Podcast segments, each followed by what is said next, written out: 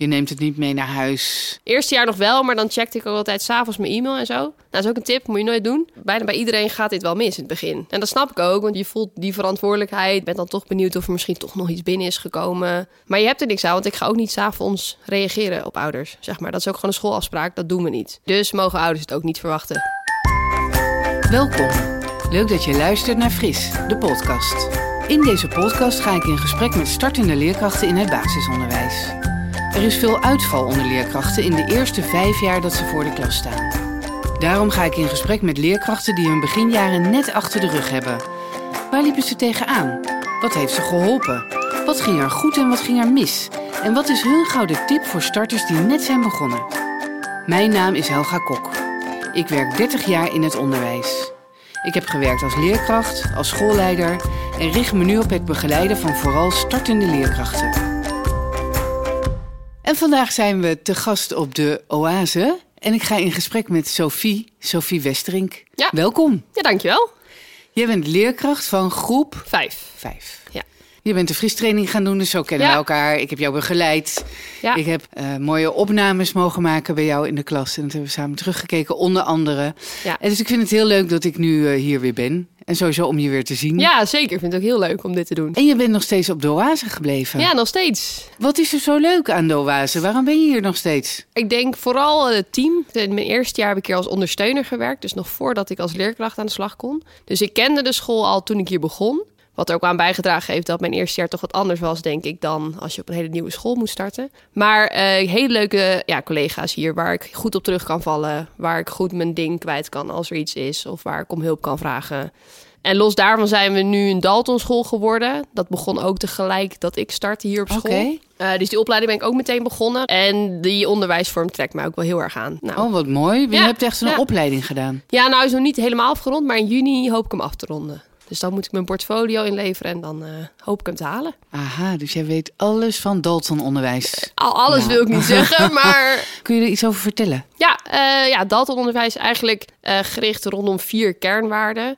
Samenwerken, zelfstandigheid, reflectie en verantwoordelijkheid. Effectiviteit zit er ook nog bij. En ehm, het is eigenlijk een wat andere manier van onderwijs geven dan het klassikale reguliere, wat ik bijvoorbeeld als kind ook gewend ben.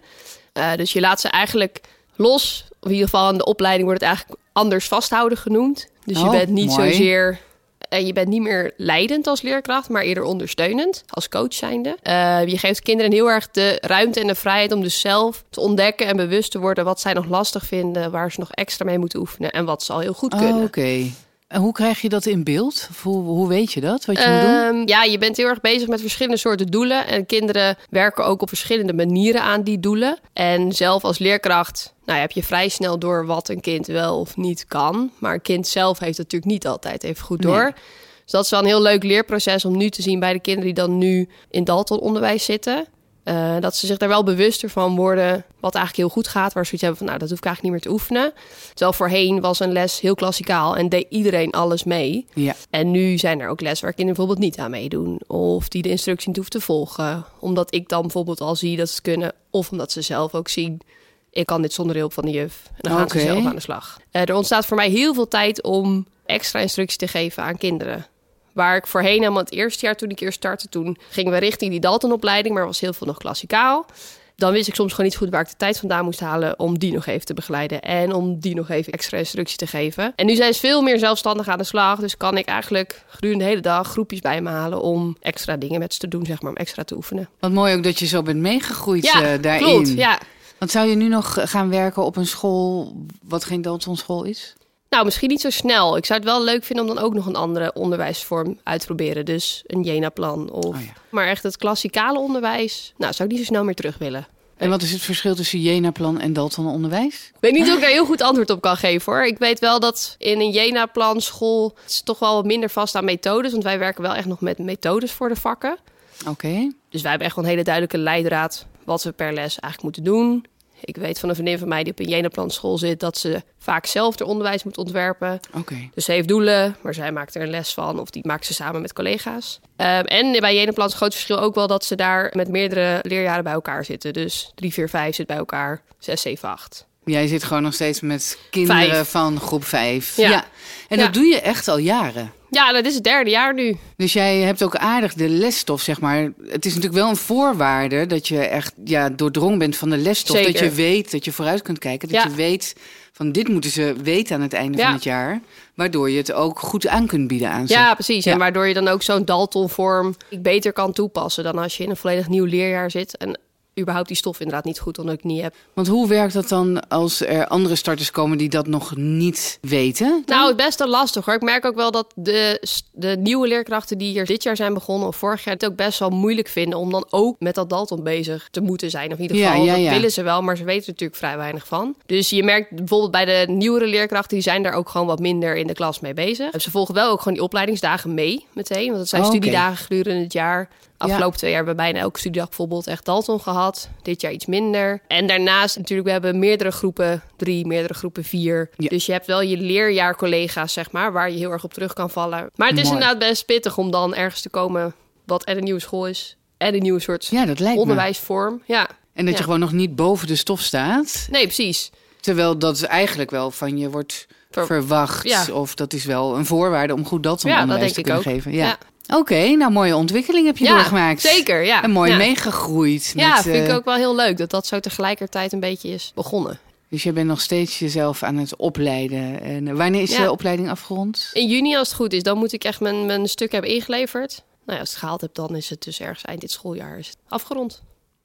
En hoe is het? eh, hoe vind je het voor de klas? Geef je nog steeds vijf dagen les? Ja, nog steeds vijf dagen. Dus daarin is eigenlijk afgelopen drie jaar niks veranderd. Eh, hoe vind ik het? Ik vind het heel leuk, nog steeds. En ik denk eigenlijk misschien wel leuker met het jaar. Ja, wat is er leuker geworden? Nou, dit jaar merk ik vooral dat ik nu de, zeg maar de lesstof zo goed onder de knie heb. En eh, dat ik ruimte krijg om meer aandacht te besteden aan een inveelkind of een groepje kinderen. En dan niet per se rondom rekenen, maar juist meer om een stukje faalangst. Echt meer op meer die zorg, zeg maar.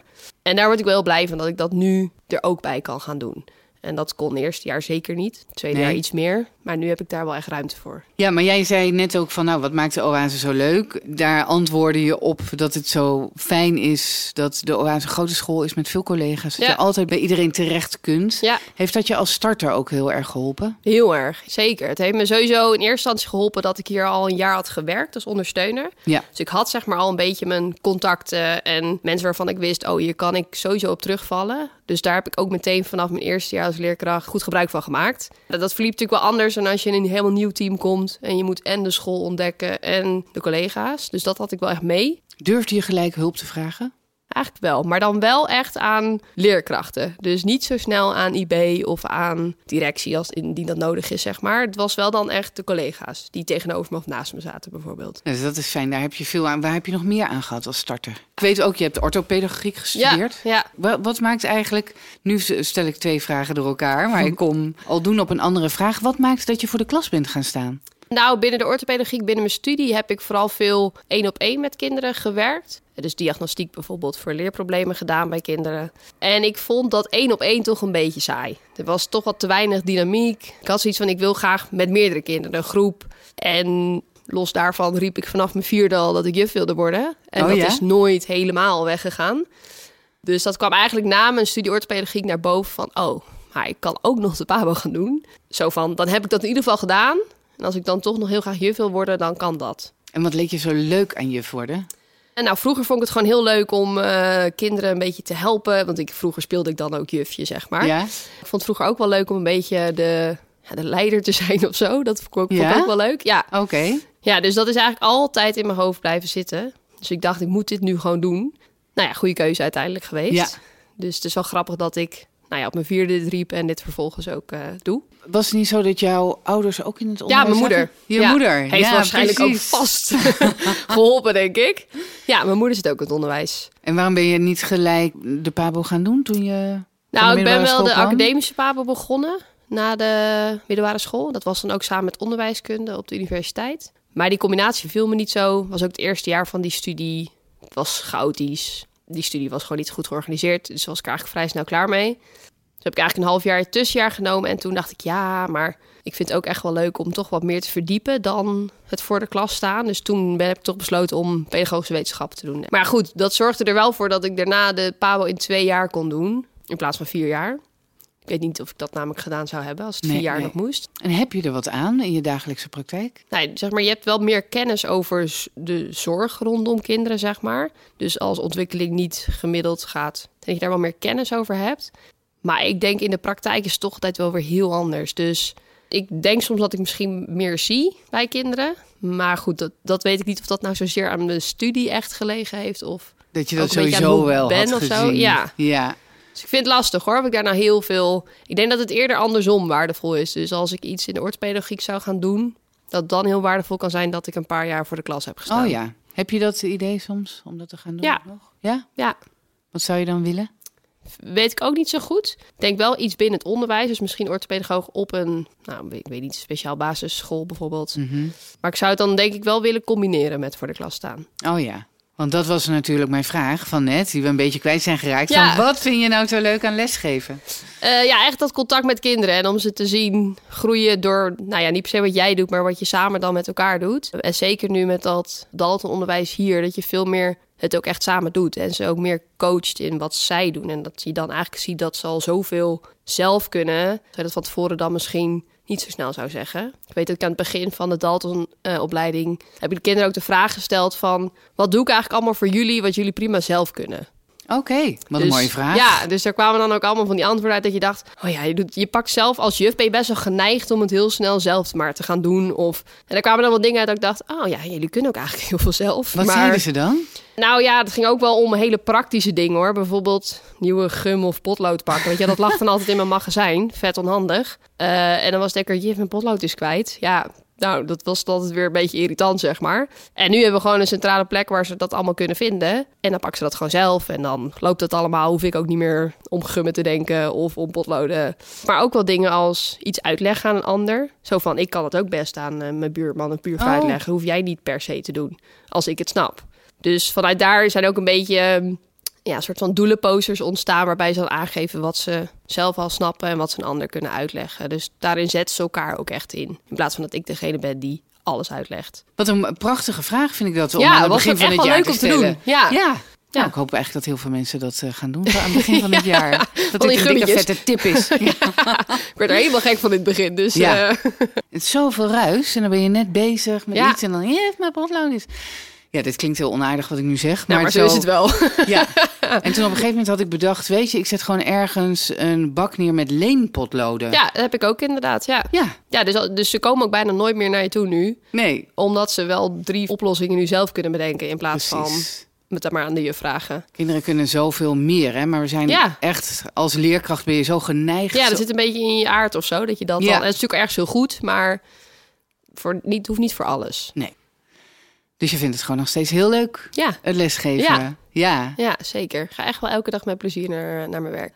dat is het allerbelangrijkste. Ja, dat denk ik ook. En als er iets is waar je tegenaan loopt, wat is dat dan? Ja, dat kan van alles zijn. Dat kan zijn dat er een kind in de klas iets heeft meegemaakt waarvan ik dan even niet weet hoe ik daarmee om moet gaan of hoe ik daar moet reageren. Dat kan ook iets zijn dat een ouder mailt over iets waarvan je denkt: oh, wat moet ik hier nou weer mee? Oh ja? Maar ja, dus het kan van alles zijn. Maar dan is het bij mij ook wel heel snel. Dan loop ik naar de overkant of loop ik en dan check ik het even met een collega, bespreek het even. En dan is het ook wel weer snel nou, weet- Opgelost. ja, of dan weet ik in ieder geval wat ik kan doen. Je neemt het niet mee naar huis. Dat nee, je er... eigenlijk niet. Eerste jaar nog wel, maar dan checkte ik ook altijd s'avonds mijn e-mail en zo. Nou, dat is ook een tip, moet je nooit doen. Gewoon, het hoeft ook niet, zeg maar. Dus Nee, wat goed. Dit is echt een hele goede tip. ja, want bijna bij iedereen gaat dit wel mis in het begin. En dat snap ik ook, want je voelt die verantwoordelijkheid. Je bent dan toch benieuwd of er misschien toch nog iets binnen is gekomen. Zodat je dan toch ineens denkt, oh, misschien heb ik nu wel een mailtje over iets wat ik vandaag gezegd zou hebben. Of wat ik dan, Ja, ja, ja. dat maakt je dan ineens heel onzeker.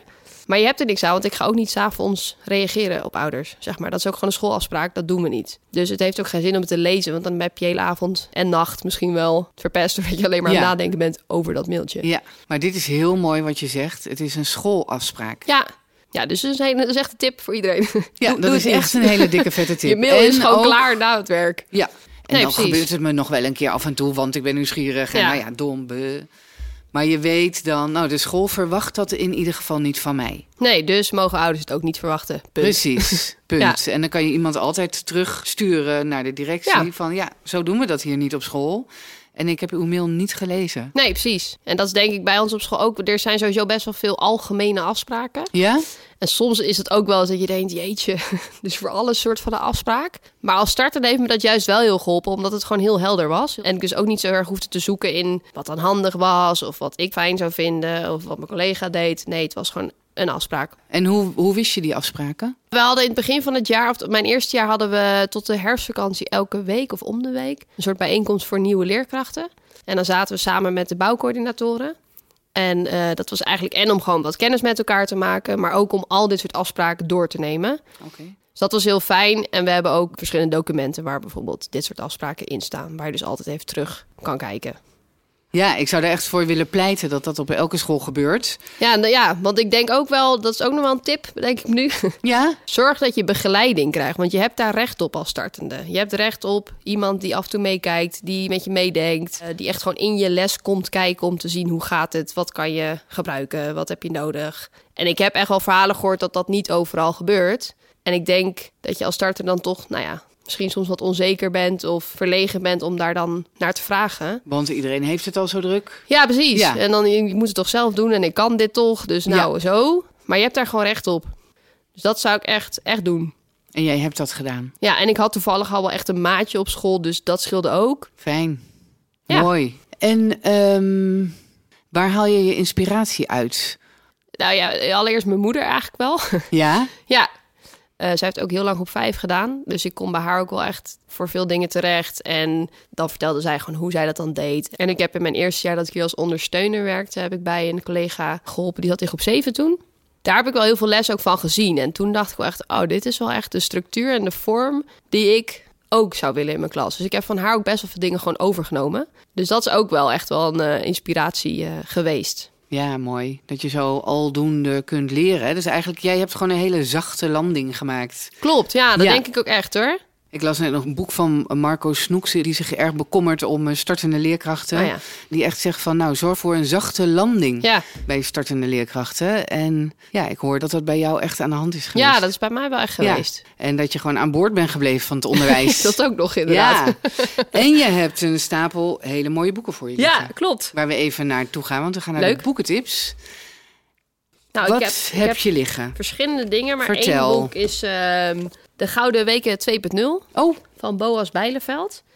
En die ehm, richt zich eigenlijk op de eerste weken, de gouden weken van eh, het schooljaar. En daar staat allereerst een heel stuk theorie in. Maar het, het tweede deel van het boek bestaat uit allerlei groepsvormende spelletjes. En die is ook dan per week en per fase van groepsvorming, zeg maar, is dat dan ingedeeld. de norming, storming, vorming fase, die Ja, fases. die fase Ja. inderdaad. En dat is superleuk, want er is ook iemand, weet niet, een juf... die op een Facebookpagina elk jaar een soort van overzicht maakt... welk spelletje je dan welke dag zou moeten doen. Die heeft dan een heel, heel structuur erin gemaakt. Dus die gebruik ik dan ook bij dit boek. En dan heb je dus elke dag één of twee van die groepsvormende spelletjes... die je dus sowieso de eerste zes weken doet. Nou, het is gewoon heel leuk. Er zijn hele leuke dingen in, hele nuttige spelletjes wel...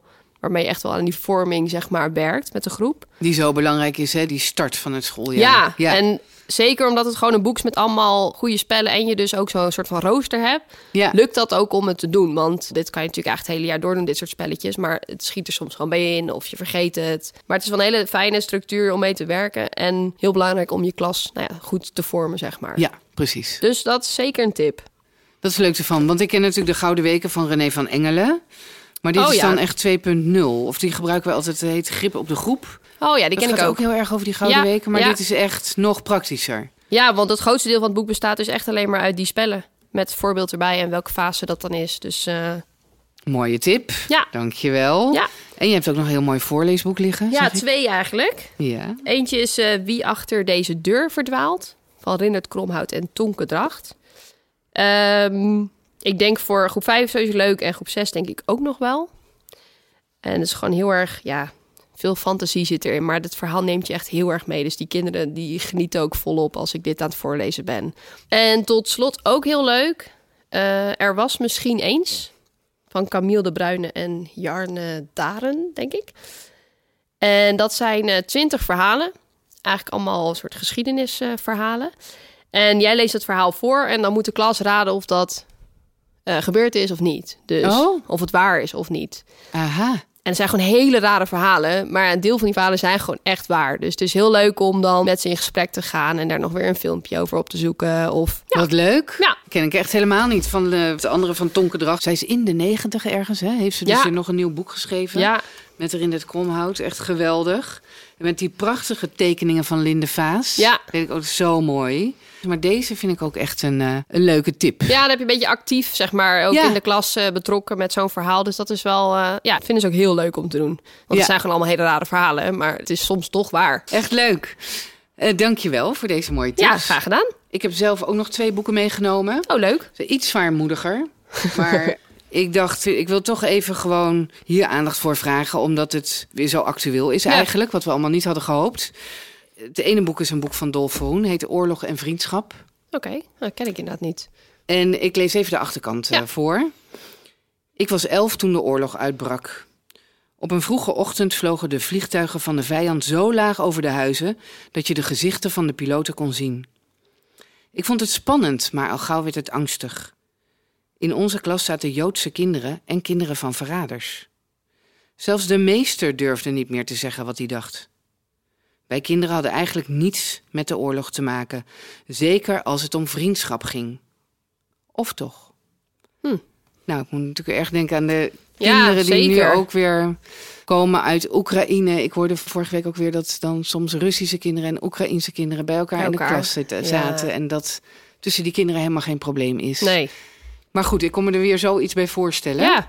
Nou ja, wel mooi om zo'n actueel boek natuurlijk nu eh, Ja. te lezen dan in de klas. Heb je het over de oorlog? Wel eens, het komt wel eens naar boven, dan hebben we het er wel eens over, maar het speelt niet heel erg. Het speelt meer in die zin dat ze heel druk bezig zijn bijvoorbeeld met geld inzamelen. En dat ze Oh ja. daar dan wel heel enthousiast mee Ja. bezig zijn, maar echt het hoe en wat over de oorlog valt mee. Ja, dus dan laat je het ook. Ja, nou, het komt natuurlijk ook wel bijvoorbeeld in een jeugdjournaal best wel regelmatig natuurlijk voor. En dan hebben we het er gewoon kort over. Maar ik heb niet het idee dat ze echt behoefte hebben aan nou ja, een hele les er bijvoorbeeld over. Ja. Of- Mooi, je voelt gewoon aan of het nodig is of niet. Ja. Nou, stel dat het wel speelt in je klas, dan heb ik nog een boekentip. Een van de mooiste boeken van de afgelopen Oh. twee jaar. Liefde is niet voor lafaards. Erg mooi boek. En lees ik even een stukje van de eerste bladzij voor. Papa en mama noemden mij Fred, want dat betekent vrede. Maar het hielp niet. Het werd toch oorlog. En papa moest ergens heel ver naar het noorden om een grens te bewaken. Mama bereidde wanten en sokken voor hem om te zorgen dat hij niet bevroor, want het was de koudste winter sinds tijden. Als je naar buiten ging, kwamen er rookwolkjes uit je mond. Onderweg naar school veranderde het snot in je neus in ijs en pas na het eerste lesuur ontdooide dat weer. Ik had papa op de schoorsteenmantel boven de kachel gezet, zodat hij een beetje warm werd. Zijn foto bedoel ik. Hij had een lelijke uniformpet op zijn hoofd en een pijp in zijn mond. Hij zag eruit als iemand die probeerde er blij uit te zien. Alles komt goed, zei ik. Binnenkort ben je weer thuis. Echt hoor. Hm. Nou, ik kan me voorstellen dat een boek gevoelens of emoties benoemt. Hè, Dat is een ingang misschien om erover te praten. Ja, Dus mooi. ik dacht, ik neem deze Ja, twee leuk. boeken mee. Ook al voel ik wel dat het een beetje... Jij vertelt allemaal hele vrolijke verhalen. Ja, maar dit hoort er toch ook bij. Dus in die zin denk ik dat een boek juist een heel mooi middel is om nou ja, dit soort dingen te bespreken met je klas. Ja, dat denk ik ook. Bedankt voor jouw tips. En stel dat er iemand zit te luisteren en die zegt... nou, dit klinkt allemaal zo leuk. Ik wil toch ook gewoon voor de klas? Wat zou je tegen ze zeggen? Ja, doen. Ja? ja, zeker doen. Ik denk wel dat je er, er rekening mee moet houden dat het veel van je vraagt. En dat het in het begin best lastig kan zijn met het verantwoordelijkheidsgevoel dat je hebt. Dat is wel een groot ding, zeg maar. Daar wordt echt een beroep op gedaan. Ja. En dat is ook een kunst om dat dus af en toe zeg maar, los te laten. Zeker gewoon in je vrije tijd. En ja, het vraagt gewoon veel van je. Dus ik denk wel dat je het heel leuk moet vinden. Wil je het onderwijs, nou ja, wil je daar lang in blijven hangen? Ja, het is niet iets wat je zomaar even erbij doet. Zeker niet. Maar wel de moeite waard. Ja, op mij betreft zeker. zeker. Ik krijg er heel veel voor terug. Dus jou hebben we eh, aan boord gehouden. Met de school en met eh, Ja, alles. Ja, hartstikke fijn, Sophie. Ja. Ik wil je heel erg bedanken voor dit gesprek. Ik vond het heel leuk. ja, ik ook zeker. Graag Ja. gedaan. En eh, tot de volgende keer. Tot de volgende keer. Dankjewel voor het luisteren naar Fris, de podcast.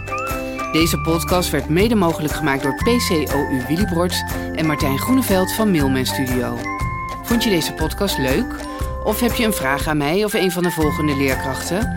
Laat het dan even weten in de comments hieronder. Dankjewel en tot de volgende keer.